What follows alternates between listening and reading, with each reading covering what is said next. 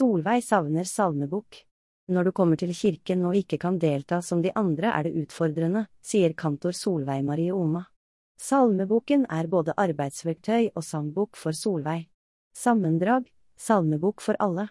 KAB jobber med en utgave av salmeboken som kan leses både på skjerm og på lyd, slik at den kan tilpasses individuelt.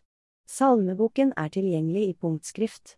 Arbeidet med universell salmebok er et pionerprosjekt som kan være viktig for flere land. Solveig Marie Oma er synshemmet og utdannet kantor. Fra sitt hjem i Leipzig leder hun arbeidet med å lage salmebok for alle. KAB står bak prosjektet. Saken er svært viktig for meg. Etter å ha studert kirkemusikk i Tromsø uten salmebok, skjønner jeg hvor essensielt det er å ha den boka.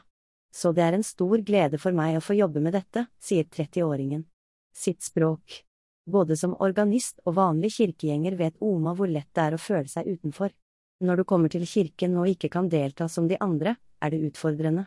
Det handler om å få tekster på sitt språk og i sitt format, mener hun. Hvem er i målgruppa? En stor gruppe med en esker som ikke kan bruke den vanlige salmeboka. Det gjelder alle som er svaksynte eller blinde, folk med dysleksi, de som sliter med layouten eller ikke klarer å holde boka, mennesker med leseutfordringer. Salmebok på biblioteket. Hvor langt har dere kommet i arbeidet? Vi holder på å sette i gang produksjon av e-bok hos Norges lyd- og blindeskriftbibliotek, NLB. Der får alle som har behov for det tilgang på systemet.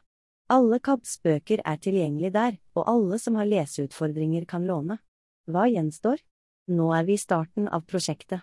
Vi er godt i gang og har fått signaler fra Kirkerådet om finansiering. Det betyr at kirka tar tak og viser at tilrettelegging er viktig. Vi jobber med blant annet punktsalmebok på papir og ei innlesning av en del salmer på lydbok. Vi har også et større mål om en helhetlig digital løsning, for eksempel en app. Det som gjøres nå er faktisk såpass nyskapende at også andre land er interessert, og kan få nytte av det vi utvikler og finner ut. KAB er viktig. Solveig Marie så litt til hun var sju år. Siden har hun vært helt blind. KAB kom tidlig inn i hennes og familiens liv. Selv om jeg ikke har vært på arrangementer med KAB hvert år, har organisasjonen vært viktig for meg. Troen min har vært viktig hele livet. Derfor har det vært fint å ha tilknytning til KAB. Hun husker med glede tilbake på barne- og familieleirene. Solveig Marie var åtte år første gang hun og familien dro på KAB-leir. KAB er fremtidsrettet. Hva opplever du at KAB kan bidra med for deg fremover?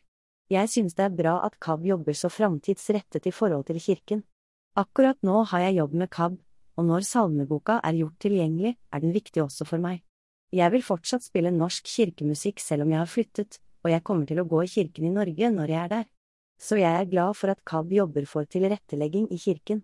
Hun legger til, funksjonshemmede er generelt underrepresentert der det tas beslutninger. KAB jobber jo aktivt med at funksjonshemmede er med og tar beslutninger, ikke bare blir snakk om. Det er kjempeviktig at kirken blir god på det. Kirken burde være den første til å ta tak i dette. Derfor er det viktig at vi kan styrke representasjonen.